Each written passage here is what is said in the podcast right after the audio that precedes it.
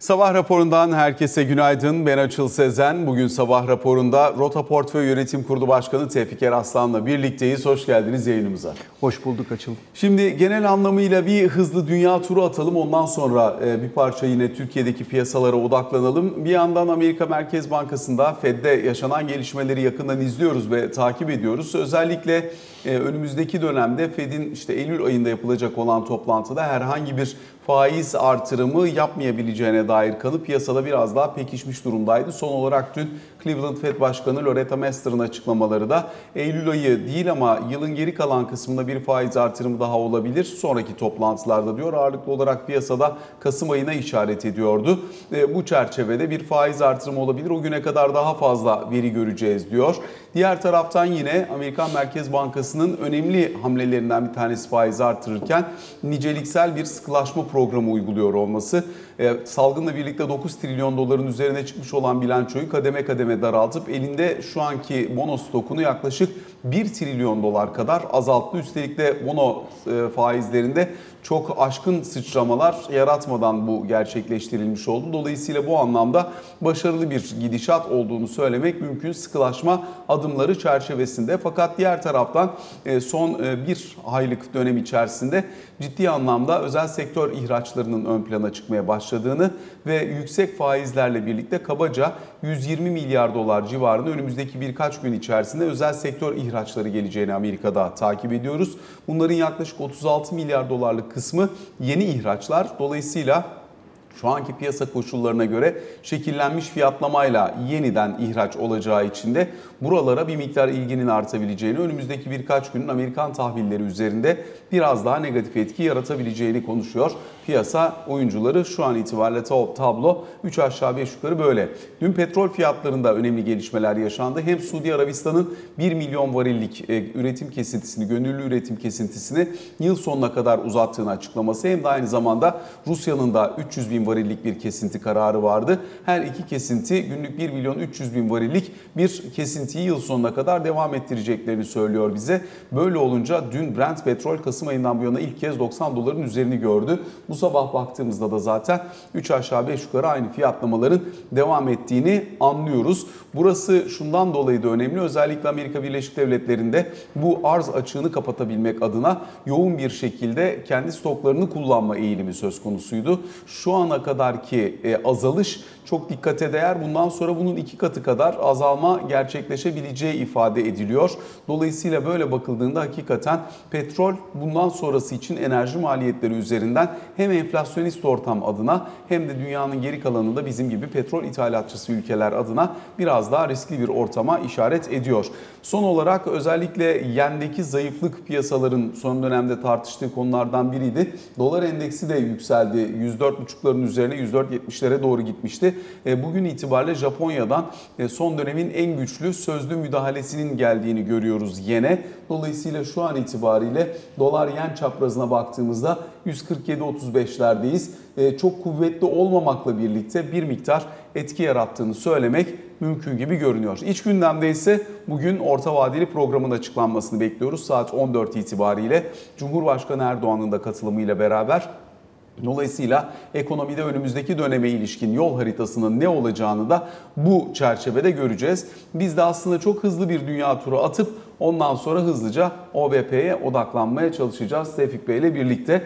Ee, bu Amerika'daki yaşanan sıkılaşma döngüsünün sonuna gelme eğilimi, dünyanın geri kalanında enflasyon baz etkileri ve politikalar nedeniyle biraz geri geldi ama hala yüksek kalmaya devam eden bir enflasyon. Beraberinde de sıkılaşma döngüsünün sonuna geldiysek artık biraz daha nerede kalacağımızı öngörüp buna dair önümüzdeki döneme fiyatlama yapma imkanı bulabiliriz diye düşünen bir piyasa dinamiği var elimizde. Bu döngü değişebilir mi? Kısa vadede bunu değiştirecek bir şey öngörüyor musunuz? E, açıl şu anda kısa vadede bu görüntüyü değiştirecek bir tablo elimizde yok, veri yok. Zaten e, FED yetkilileri de açıklamalarını yaparken yine e, veriye bağlı olarak hareket edeceklerini e, söylüyorlar. Ama diğer taraftan özellikle FED'in baktığı kor enflasyon tarafında da işler planlandığı gibi gidiyor diye söyleyebiliriz. Fed'in bir taraftan faiz %5,5, burada enflasyon 4,2 civarında. Dolayısıyla burada Fed kalmaya devam ettiği sürece zannediyorum e, faiz e, kendi işini yapmaya devam edecek. Zaten e, kurul üyeleri de böyle ifade etmişlerdi. O nedenle ilave bir hareket yapmalarına gerek olmadığı düşüncesi hakim. Böyle olunca da önümüzdeki dönemde Fed'in bu faizleri yatay olarak bırakması, faizlerin kendi işini yapması, sonuçta da enflasyonun ikiye yakınsaması konusu bütün e, piyasa aktörleri tarafından satın alınmış, e, daha e, gerçekleşme olasılığı yüksek bir senaryo olarak karşımızda duruyor. Büyüme tarafında, e, e, Amerika tarafında büyüme e, oldukça iyi gidiyor. Avrupa tarafı hala gri olmaya e, devam ediyor. E, Ama e, enflasyonla ilgili e, parametreler e, Amerika dışında hala e, istenilen e, seviyelerde değil ama Amerika'yı oranın da e, e, e, yani Amerika'daki enflasyon oranına bağlı olarak diğer taraflarda da bir gerilemenin zaman içerisinde olabileceği konusu yine piyasa aktörleri tarafından kabul edilmiş durumda diye özetleyeyim. Şimdi genel olarak o enflasyon ortamını bozan bazı gelişmeler de var ya biraz da onlardan bahsederek devam edeyim. Petrol fiyatlarından bahsettim. Gıda tarafı dünyada da problemli. Özellikle El Niño'nun etkisini belli başlı bölgelerde biraz daha yoğun şekilde hissediyoruz. Ee, Dolayısıyla mesela bugün kakao fiyatlarına baktığımızda 12 yılın zirvesinde, şeker fiyatlarına baktığımızda 10 yılın zirvesinde, petrol fiyatlarına baktığımızda yükseliş eğilimini devam ettiriyor. Arızi dengesizlikler de olabilir bunların içerisinde. Ancak genel olarak hem gıda hem enerji üzerinden kışa girerken Rusya-Ukrayna savaşında dikkate aldığımızda enflasyon açısından biraz daha zorlayıcı bir tablo görme riski var mı? Var yani biz bunu Türkiye'de de yaşıyoruz. Dolayısıyla e, dünyada da benzer bir tablo var. E, petrol fiyatı biraz önce sen söyledin e, oldukça yüksek bir noktaya geldi 90 dolar. Buradaki yükselişin e, devam etmesi bütün dünya için bence e, çok büyük bir sıkıntı olur. Diğer taraftan kışa doğru girerken yine bu Rusya-Ukrayna savaşı nedeniyle doğal gaz fiyatlarının yükselme eğiliminde olma riski de var. Bunları bir araya getirdiğimiz zaman enerji tarafı işin açıkçası e, çok e, ciddi bir e, risk oluşturuyor diyebiliriz.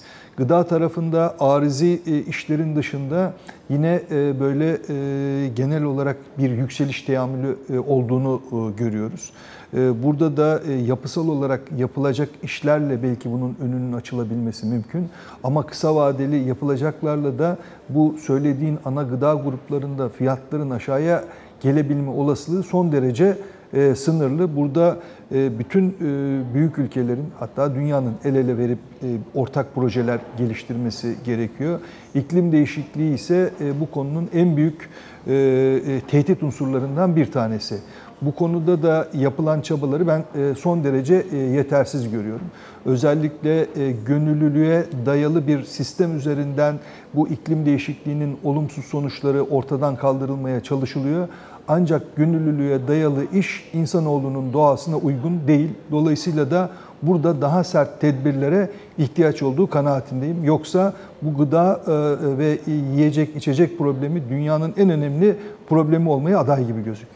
Peki buradan şimdi dönelim biraz daha Türkiye odaklı konulara. Orta vadeli program bugün itibariyle gelecek. Biz uzunca bir süredir e, Türkiye ekonomisinde e, orta vadede gidilecek yöne dair çok net bir bakış açısına sahip olabilecek, kerteriz alınabilecek bir enstrümana sahip değildik. Çünkü orta vadeli program her sene açıklanıyor ama e, açıklay açıklanmasıyla birlikte işaret ettiği yön son iki senedir e, biraz daha farklı e, daha önceki yıllara kıyasladığımızda. Şimdi zannediyorum konvansiyonel politikalar eşliğinde biraz daha fazla nereye gideceğini öngörebileceğimiz bir ekonomik aktiviteye, bir bütçe planlamasına, büyüme ve enflasyon hedefinin nereye konulacağına dair net detay alabileceğimiz kapsamlı bir program geleceğini anlıyoruz. Bütün paydaşlarla da görüşüldü bu 3 aylık süreç içerisinde. Ee, hani hem finans sektörüyle hem reel sektörün bütün bacaklarıyla, ihracatçılarla. Şimdi ne çıkmasını beklersiniz bugünkü OVP'den? Evet yani e, şu ana kadar baktığımızda e, bütün aktörlerle konuşulmuş olması, ondan sonra beklentilerin, e, düşüncelerin, taleplerin dinlenmiş olması çok kıymetli. Zannediyorum e, ekonomi e, yönetimi bütün bunları e, ülkenin e, ortak menfaati çerçevesinde ele alıp e, orta vadeli plana da yansıtıyor olacak. E, Bir kere e, Merkez Bankası e, Başkanımızın e, daha önceki ifadelerinden gelecek döneme ilişkin olarak nasıl bir şeyin gelmekte olduğunu zaten tahmin edebiliyoruz. 2024'ün ikinci yarısından itibaren bir dezenflasyonist süreç 2025'te de daha istikrarlı bir yani fiyat açısından daha istikrara kavuşmuş bir Türkiye'yi tarif etmişti. Dolayısıyla orta vadeli planın içerisindeki unsurların bunu sağlayacak e, bir takım e, tedbirleri içeriyor olmasını ben e, bekliyorum. Son açıklanan enflasyon rakamları da işin ciddiye alınmadığı takdirde, çok acil tedbirler alınmadığı takdirde kontrolden çıkabileceğine de işaret ediyor. Yani biz Temmuz ayında 9,5 civarında bir enflasyon, Ağustos ayında 9,09 e, e, seviyesinde bir enflasyon gördük. Bu e, Türkiye'deki fiyatlama davranışının e, temelden bozulma e, eğilimi içerisinde olduğunu da gösteriyor. O nedenle e, bu orta vadeli planın e, bugün açıklanıyor olması belki buradaki bekleyişlerin tekrar normalleştirilmesi adına da çok kıymetli olacak. O nedenle de e, para politikası ile ilgili e, kısımda ben e, bir takım tedbirlerin e, e, açıklanmasını bu orta vadeli planla bekliyorum. Yine bütçe tarafında Ne disiplin... gibi e, e, öneriler beklenebilir burada?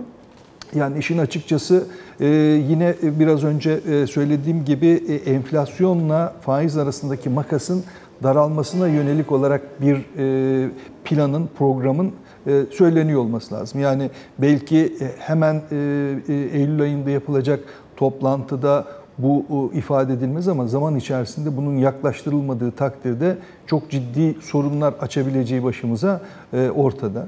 E, Diğer taraftan son gelen büyüme rakamları yine Türkiye'de işin açıkçası ciddi bir büyümenin olduğunu gösteriyor. Burada bir soğutma olmadan yine bizim fiyat davranışlarını normalize etmemizin oldukça e, güç e, olduğunu da düşünüyorum. Dolayısıyla da e, büyümeyi de kontrol altına alacak tedbirleri de içeriyor olması gerekiyor olacak. Yine bütçe tarafında bir daha sıkı bir bütçe disiplinine ihtiyacımızın olduğu da bir gerçek. Bunları içermesini ben orta vadeli planını bekliyorum.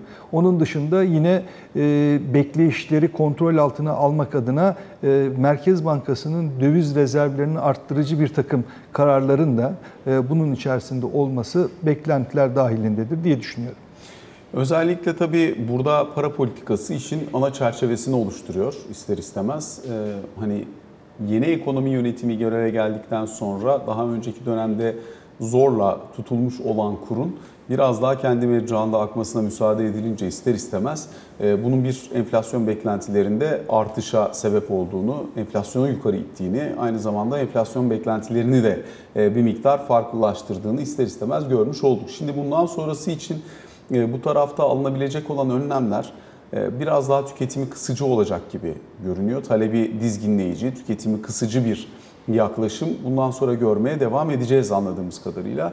Elbette önemli konulardan bir tanesi bunun sınırının ne olacağı. Yerel seçimler de varken bir hani ücretler dengesi zaten sürekli yükselmeye devam ediyor. Yani memur maaşlarındaki yükseliş artık herkes için biraz daha kerteriz alınacak ücret artış seviyesine döndü gibi görünüyor. Hani en düşük memur maaşı buraya geldi denilerek ortaya konulan seviyenin üzerinden bütün ücret pazarlıkları dönmeye başlıyor. Oransal olarak artışlar da buralara doğru gidiyor.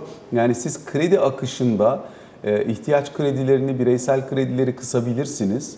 Aynı zamanda burada işte kredili mevduat hesabı kullanımı vesaire gibi hani biraz daha kredilik, kaldıraçlı tüketimi özendirici alanları da kısabilirsiniz. Ama ücret artışları belirli bir seviyede olmaya devam ettiği müddetçe tüketimi kalıcı olarak aşağı çekmek mümkün müdür? Ee, yani Birçok faktör var. Ee, o nedenle e, büyümenin e, ya da tüketimin aşağıya çekilmesinin tek e, yükünü tabii ki ücretliler üzerine e, yüklemek de çok adil değil. Bu arada ücretlilerin yüksek maaş almalarında, ücret artışlarının yüksek olmasında da hak var. Enflasyon herkese ezip geçiyor çünkü. Yani dolayısıyla aslında insanların aldığında herhangi bir sorun yok. Enflasyonu buraya getiren faktörleri ortadan kaldırmak gerektiği için biraz daha bunun üzerinden Ee, tartışıyoruz. yani e, o nedenle de e, dönüp e, burada enflasyonist olabilecek bütün katmanlara bakıp bunlar üzerinde tedbir almak gerekiyor. O nedenle de sadece ücretler üzerinden bir çözüm değil, e, toptan tüm e, ekonomik parametrelere bakılıp buradan bir e, çözüm e, getirilmesi gerekiyor olacak. O nedenle bütçede mali disiplin e, çok e, kıymetli olacak. Yine e, içeride tüketimi e, teşvik edecek e, her türlü e, e, tedbirden uzak durup biraz daha ihracat yapmaya ya da turizmi arttırmaya yönelik olarak e, faaliyetlerin destekleneceği bir altyapıya ihtiyaç var. Son dönemde Türkiye bu selektif kredi konusunda çok ciddi bir e, aşama e, kaydedebildi. O, nedenle de e, büyüme konusunda yapılacak olan finansman da biraz daha seçici olabilme kabiliyetimizin ben çok arttığını düşünüyorum. Geçmiş dönemde bu sözle söylenebilen ama sahada icraatı son derece sınırlı olan bir konuyken artık bankaların altyapısı, şirketlerin altyapısı bu e, tip selektif kredi vermek için e, seçme kriterlerini çok rahat e, e, masanın üstüne getirebilme imkanı sağlıyor. Dolayısıyla ülkenin dışa açık büyümesini destekleyecek şekilde selektif kredi, içerideki talebin biraz daha kısılmasına yönelik olarak alınabilecek tedbirlerle bir dengenin oluşturulabileceği, aynı zamanda da döviz rezervlerinin biriktirilebileceği, cari açığın aşağıya çekilebileceği bir ortamdan bahsedebiliriz. Ama diğer taraftan kontrolsüz para genişlemesine neden olabilecek e, e, bir takım ekonomik kararlardan da uzak durulması gerekiyor olacak. Şimdi bunların hepsi önemli. Biraz önce e, özellikle hani bu finansman bacağından, kredi bacağından bahsettiniz. Bu konuyla ilgili olarak biraz daha ticari krediler tarafında esneklik sağlanmaya çalışıldığını ancak geri kalan tüketim kısmında bir ayrışmayla daha sıkı bir para politikasına doğru ya da bir kredi aktarım mekanizmasına doğru gidilmeye çalışıldığını anlıyoruz. E, bu konu önümüzdeki dönemin önemli temalarından bir tanesi olacak. Türkiye Bankalar Birliği Başkanı Alparslan Çakar dün e, Habertürk'te e, yayına katıldı ve orada enflasyona dönük olarak verdiği mesajlar var. Arkadaşlarımız e, bunun bandını hazırlarlarsa şimdi bir o bandın içerisinde neler var? Alparslan Çakar'ın açıklamalarının içerisinde neler var? Bir hızlıca bundan bahsederek devam edelim. Daha sonrasında üzerine bir parça konuşuruz.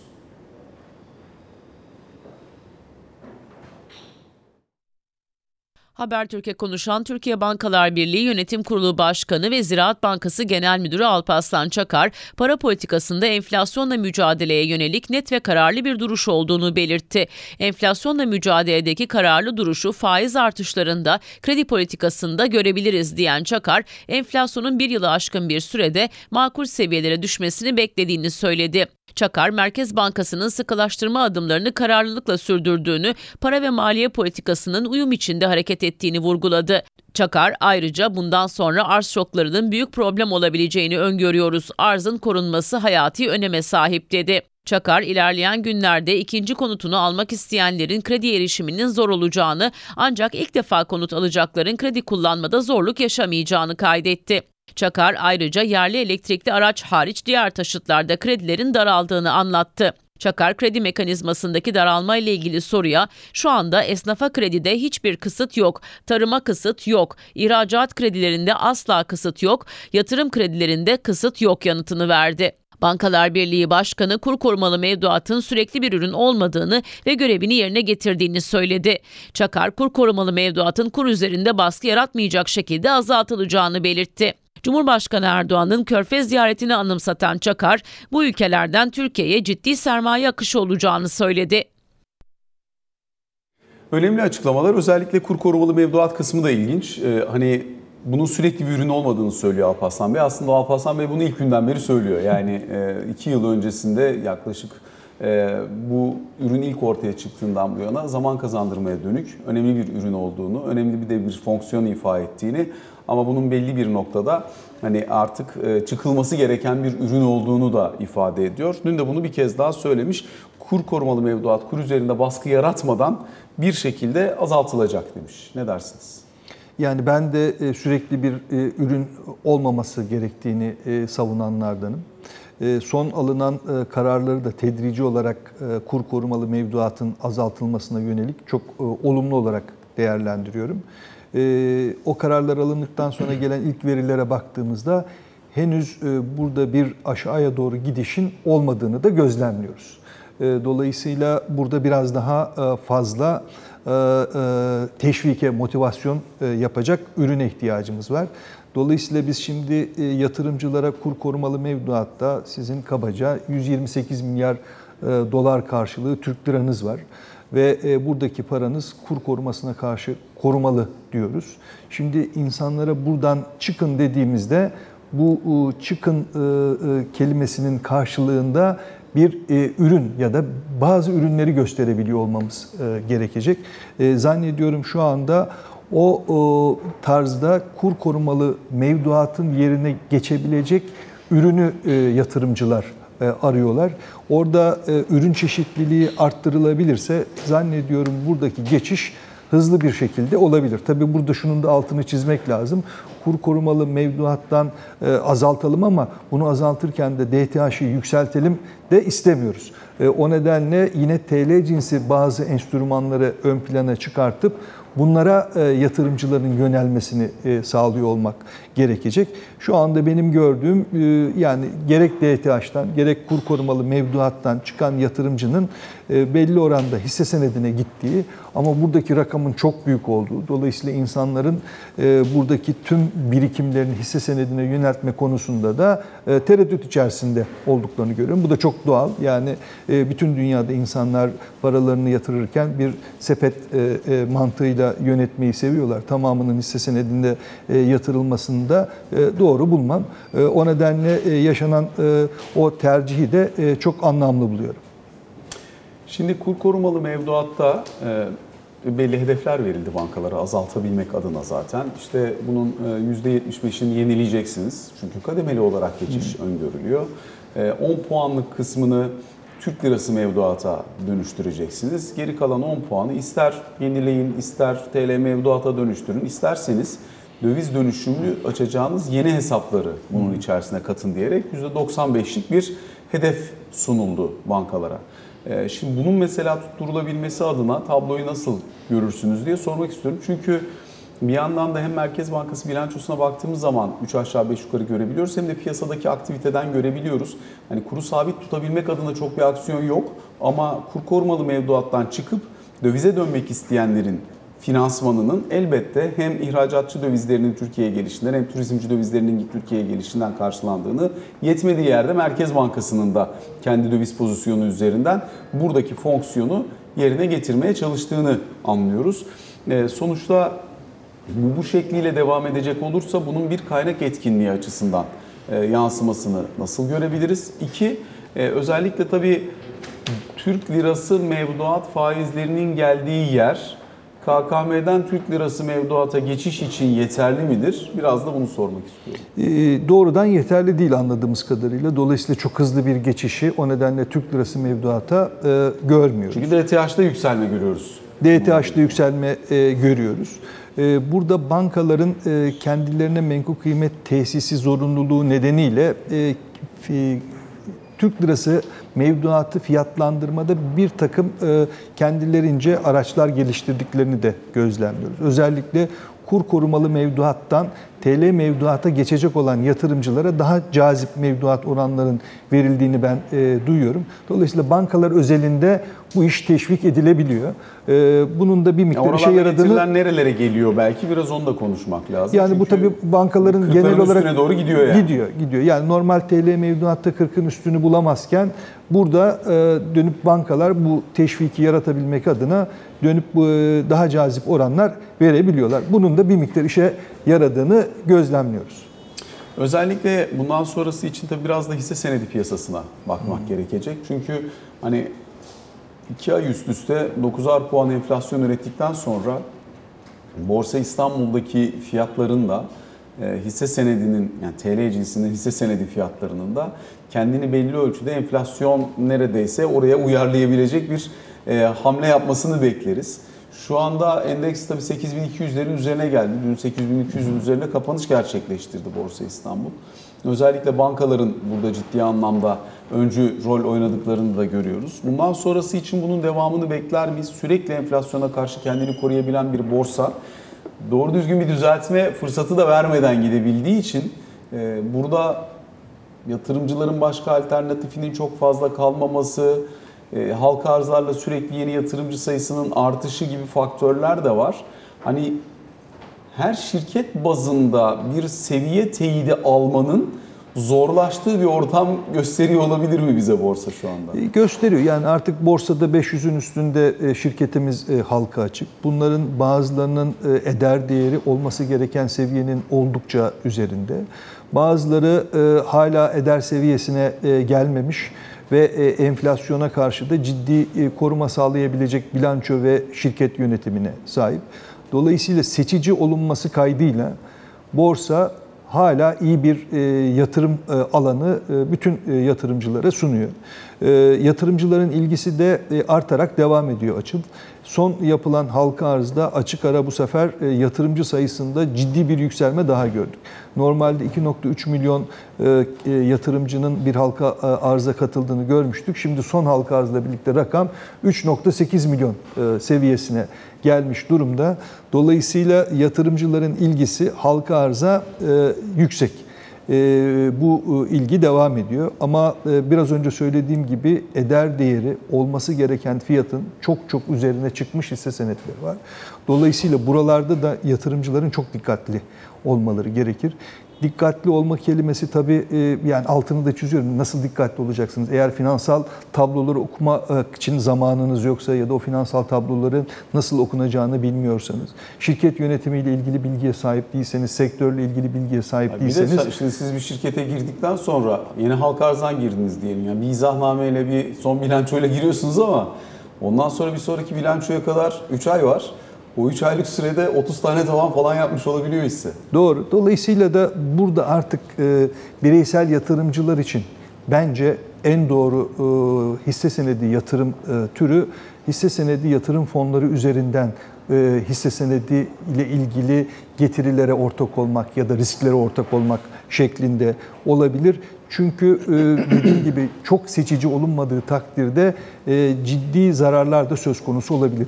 Eder değerinin 10 katı, 20 katı, 30 katı seviyeye gelmiş olan şirketler var. Eğer bunlar fiyatlarını normalleştirecek olursa önümüzdeki dönemde 100 liranın 90 liraya inmeyecek, 80 liraya inmeyecek, 10 liraya inecek. 20 liraya inecek. Dolayısıyla çok ciddi bir birikim erimesi söz konusu olabilir.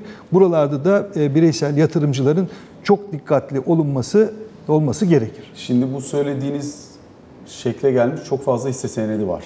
Özellikle küçük hisselerde bazıları yeni dönemde halka açılmış, bu yıl halka açılmış hisselerde kule diyebileceğimiz hani kule gibi olmuş hisse sürekli yüksele yüksele kule gibi olmuş.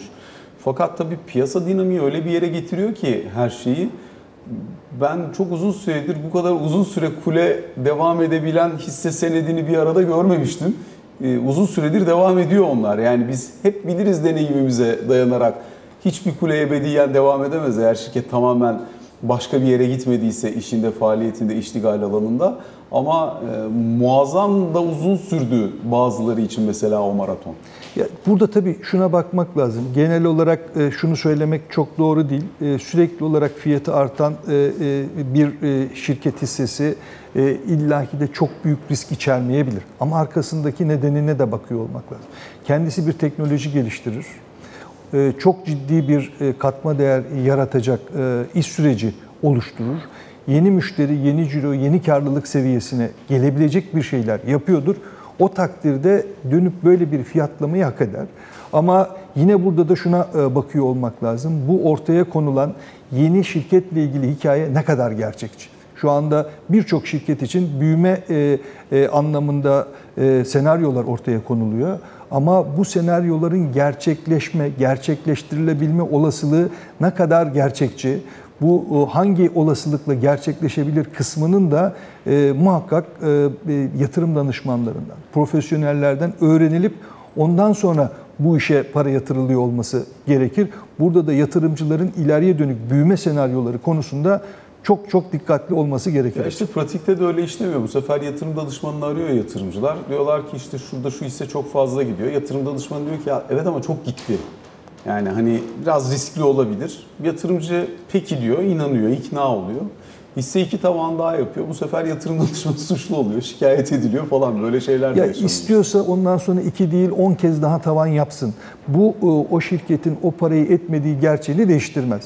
Yani bir ürün 10 lirayken buna 100 lira veren insanlar e, belli bir dönem için oldu diye o 10 liralık ürün 100 liralık da olmaz. Burada e, e, o nedenle tavanlar konusuna da yatırımcıların dikkat etmesi e, çok çok elzem. Artık çünkü dediğim gibi %10, %20 değer artışları ya da değer yükseklikleri söz konusu değil.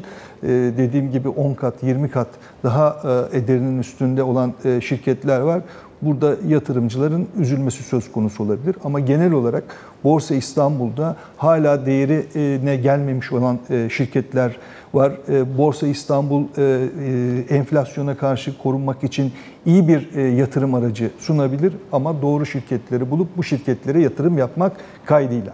Coin'e dönüşmüş şirketler var yani coin piyasasındaki gibi inanılmaz çarpı 8'ler, çarpı 10'lar falan gitmiş olan şirketler var. Hakikaten dikkat etmek lazım bazen. Yani ben katılıyorum. Yani şeyde özellikle bu coin piyasasındaki değerleme metoduna bağlı olarak benzer bir şekilde, bağlı olarak doğru değil, benzer bir şekilde e, hisse senedi değerinin oluşabileceğini düşünen yatırımcılar var. Yani bunların nezdinde şirketin ürettiği ekonomik aktivite ile hisse senedinin fiyatının arasındaki bağ koparılmış durumda. Aslında bu bağ hiçbir zaman kopmaz. Bir hisse senedinin fiyatı o şirketin ürettiği ekonomik değerle her zaman ölçülür. Dolayısıyla aradaki farkı ümit ediyoruz. Yatırımcılar da bir İnşallah. noktada anlayacaklar. Çok teşekkür ediyoruz Tevfik Eraslan bizlerle birlikte olduğunuz için. Kısa bir ara sonra ikinci bölümde Ali Can Türkoğlu ile karşınızdayız.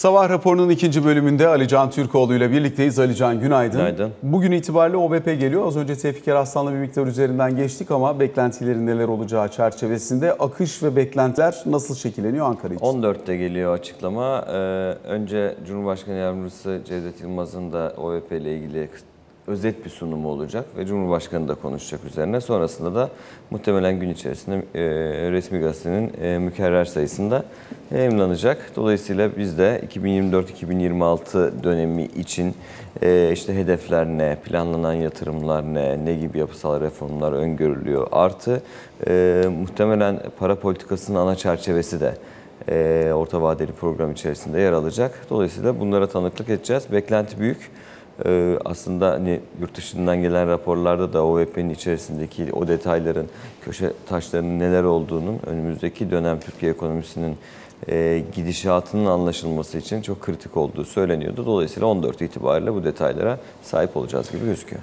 Dün kabine toplantısı sonrasında Cumhurbaşkanı Erdoğan açıklamaları vardı. Hem enflasyona dönük verdiği mesajlar var hem bundan sonrasına ilişkin e, uygulanabilecek e, belki enflasyonla mücadele politikalarına dair işte kira konusunda ikinci el konutlar konusunda veya barınma ihtiyacı konusundaki düzenlemelere de dikkat çekmiş. Şimdi enflasyonun üzerinde fiyatlamanın olduğu bazı alanlar olduğunu söylüyor bu fahiş fiyatla mücadele kapsamında. Buradaki mücadelenin de sürdürüleceği, cezaların da caydırıcı olması konusunda çalışmalar yapılabileceğini ifade ediliyor. Enflasyonla mücadelenin e, zorlu e, devam ettiği, sabır gerektirdiği ama eninde sonunda işte dize getirileceği yönündeki düşüncesini de dile getirdi Cumhurbaşkanı. Sivil anayasa vurgusu var yeni yasama yılında. Bunu daha öncesinde de söylemişti. Gençlere vergisiz telefon konusuyla ilgili olarak bir sonraki kabine toplantısında açıklanacak gözüküyor. Dolayısıyla son 15 gün hazırlıklar son aşamada.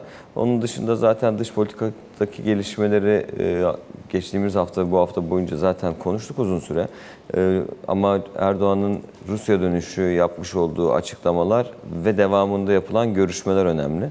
Yani işte Putin'in Rusya'nın tahıl koridoru anlaşmasına dönmek için e, aslında iki ana isteği olduğu bir kez daha söylendi. Bunlardan birincisi bankaların işte Tarım Bankası'nın, Agrobank'ın SWIFT sistemine dahil edilmesi tekrar ve taşıma yapan e, gemilerin sigortalanması hususları. E, bu konularda adım atılırsa Rusya'nın anlaşmaya döneceğini zaten Putin de söylemişti. Detaylarını biraz daha Cumhurbaşkanı aktardı. Bu kapsamda gün içinde dün Stoltenberg ile e, Hakan Fidan arasında bir görüşme gerçekleşti NATO Genel Sekreteri ile. E, Yine Birleşmiş Milletler'le değişik aşamalarda görüşmelerin devam edeceği söyleniyor. Türkiye-Suriye ilişkileri tarafından bakıldığında Esad'la ilgili mesajları var Cumhurbaşkanı. Atılan adam adımları uzaktan seyrediyor. Daha işin içinde olmaları lazım ama Suriye tarafından olumlu bir tavır görmüyoruz diyor şu an için. Ee, Dolayısıyla Türkiye-Suriye normalleşmesiyle ilgili olarak muhtemelen Putin'le görüşülen süreçte e, Esad tarafından bir adım beklendiğinin bir açıklaması olarak değerlendirilebilir.